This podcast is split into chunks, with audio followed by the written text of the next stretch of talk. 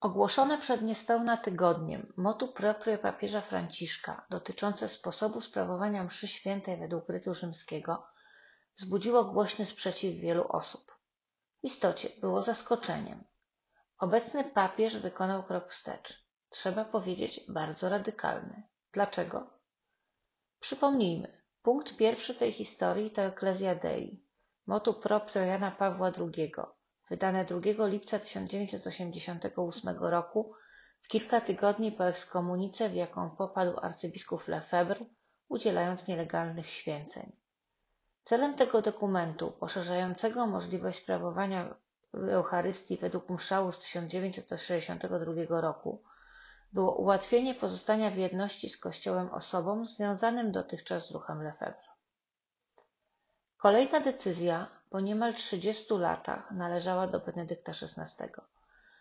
Motu proprio Summorum Pontificum opublikowano 2 lipca 2007 roku wraz z listem wyjaśniającym skierowanym do biskupów. Ówczesny papież pisał w nim Gdy spojrzy się w przeszłość na wszystkie rozłamy, które na przestrzeni wieków dotknęły mistyczne ciało Chrystusa, nie można oprzeć się wrażeniu, że w krytycznych momentach decydujących o podziale przywódcy Kościoła nie robili wszystkiego, co mogli, by przywrócić zgodę i jedność. Nie można oprzeć się wrażeniu, że zaniedbania ze strony Kościoła sprawiły, że miał on swój udział w tym, że podziały te mogły się utrwalić. Ta refleksja nad przeszłością nakłada na nas tu i teraz obowiązek, by dołożyć wszelkich starań potrzebnych do tego, by ci, którzy prawdziwie chcą jedności Kościoła, mogli w tej jedności pozostać lub do niej powrócić. Papież, co nie ulega wątpliwości, cenił liturgię sprawowaną według przedsoborowego mszału. Był przekonany, że obie formy jednego rytu rzymskiego mogą się wzajemnie ubogacać. Niemniej pierwszą motywacją dla wydania dokumentu była próba włączenia w nurt Kościoła tych, którzy balansowali na granicy schizmy. Stolica Apostolska po raz kolejny wykazywała zrozumienie posunięte do granic możliwości, by uniknąć rozłamu. Jednocześnie Benedykt XVI sugerował ważną rzecz, która najwyraźniej została zaniedbana. Papież zachęcał do tego, by w trzy lata od wejścia w życie jego dokumentu przekazać mu ocenę jego skutków. Dokonano tego, niestety, dopiero po latach trzynastu. Piszę niestety, bo być może dziesięć lat temu nie byłoby konieczności podejmowania tak radykalnych działań. Niestety, jak dziś pisze Franciszek, z łagodności Benedykta XVI skorzystano w sposób przeciwny jego intencjom. Celebrowanie mszy świętej według mszału rzymskiego z 1962 roku stało się zewnętrznym wyrazem tożsamości środowisk kwestionujących nauczanie Soboru Watykańskiego II.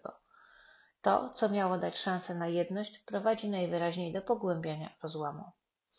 Nie chodzi w końcu o samo sprawowanie liturgii, ale o tworzące się wokół niej ośrodki duszpasterskie i prowadzoną w nich formację, o ich jedynie formalną, nierealną jedność z Kościołem.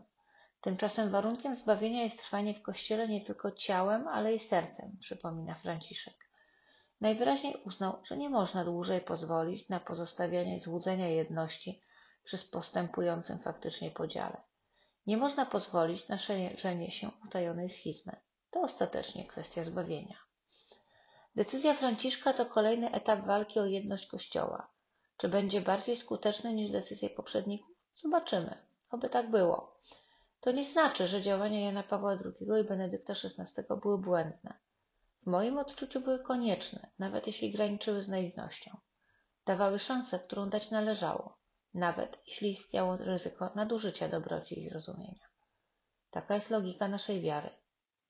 Tak, radykalność decyzji to dziś po 13 latach szok, ale myślę, że warto zaufać papieżowi. Dokładnie tak samo, jak warto było ufać poprzednikom.